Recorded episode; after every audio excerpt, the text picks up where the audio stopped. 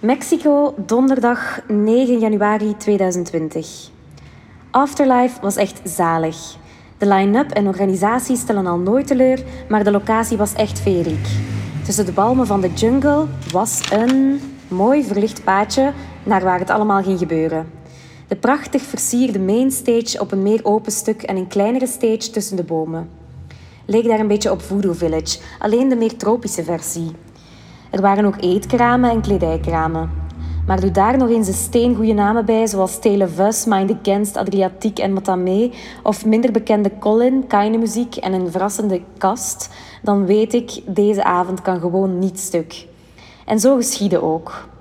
Heerlijk zweven, soms hard stampen, echt genieten van alle impressies.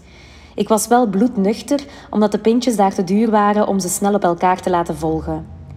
Desondanks hebben we toch tot 5 uur getrokken. 13 uur Belgische tijd. Dat kan al tellen.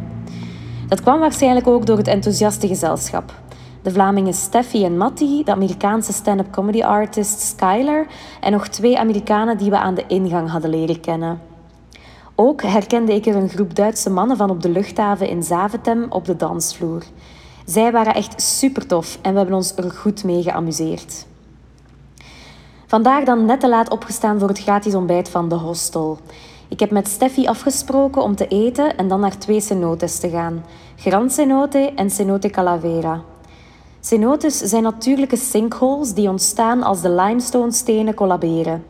Het zijn vaak ingangen van een grottensysteem waar Maya's vroeger offers deden aan de goden van de onderwereld, omdat zij dit zien als ingang van de onderwereld.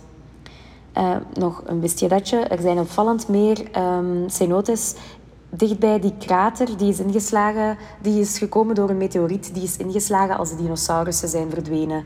Um, er zijn sowieso al cenotes, maar hier in deze buurt van die krater zijn er nog veel meer. We zijn met de fiets gegaan, wat op zichzelf al leuk is. Erna chillen, eten een Italiaanse resto met Steffi en nu ga ik bijna naar bed. Er is vandaag een goed feest in de hostel, maar ik ben echt kapot. Morgen verder reizen. Mexico, vrijdag 10 januari 2020. Deze ochtend, ochtend rustig ontbeten en nog wat gelezen aan het zwembad. Toen ik mijn rugzak aan het maken was, heb ik nog kennis gemaakt met een knappe en sympathieke Mexicaan. Het klikte precies en hij zei dat hij het spijtig vond dat ik al vertrok.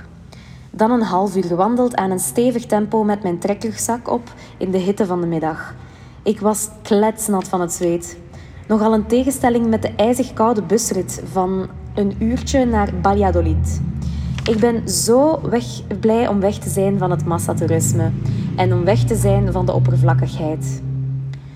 Aangekomen in hostel Tunishnai heb ik onmiddellijk drie chille Amerikanen ontmoet. Veel te coole alternatievelingen eigenlijk.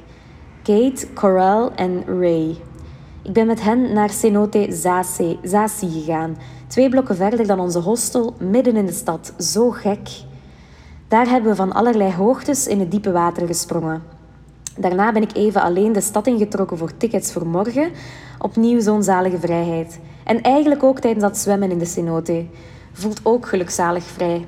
Zo'n verslavend gevoel. Om te eten zijn we terug met z'n vieren door de gezellige straatjes van dat kleine stadje gegaan.